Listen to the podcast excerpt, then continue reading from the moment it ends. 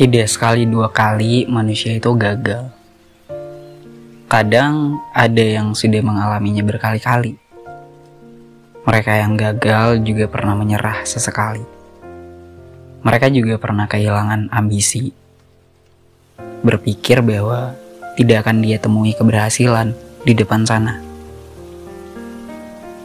Tidak ada hal indah yang menyambutnya di hari depan sebenarnya banyak faktor yang jadi pemicu ambisi itu tidak sekuat dulu. Cibiran dari sekitar, umpat, dan mungkin banyak hal lainnya. Sedikitnya dukungan juga berpengaruh. Tapi dewasa menuntut kita untuk mampu menghadapi itu. Harus bisa kita lewati meski hati harus menelan pahitnya realita yang terjadi di hadapan kita.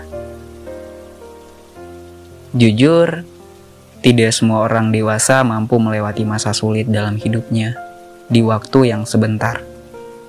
Mereka butuh waktu untuk menetralkan pikiran, mendamaikan perasaan dan hati agar bisa berjalan dengan hati-hati ke depannya.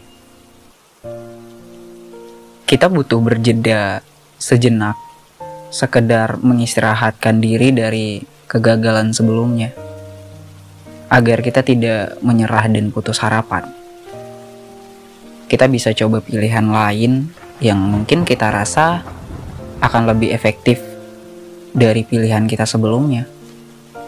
Kita bisa ambil jalan lain yang kita rasa lebih aman dari jalan yang kita lalui sebelumnya.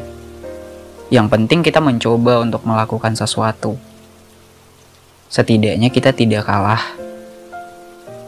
tanpa perjuangan.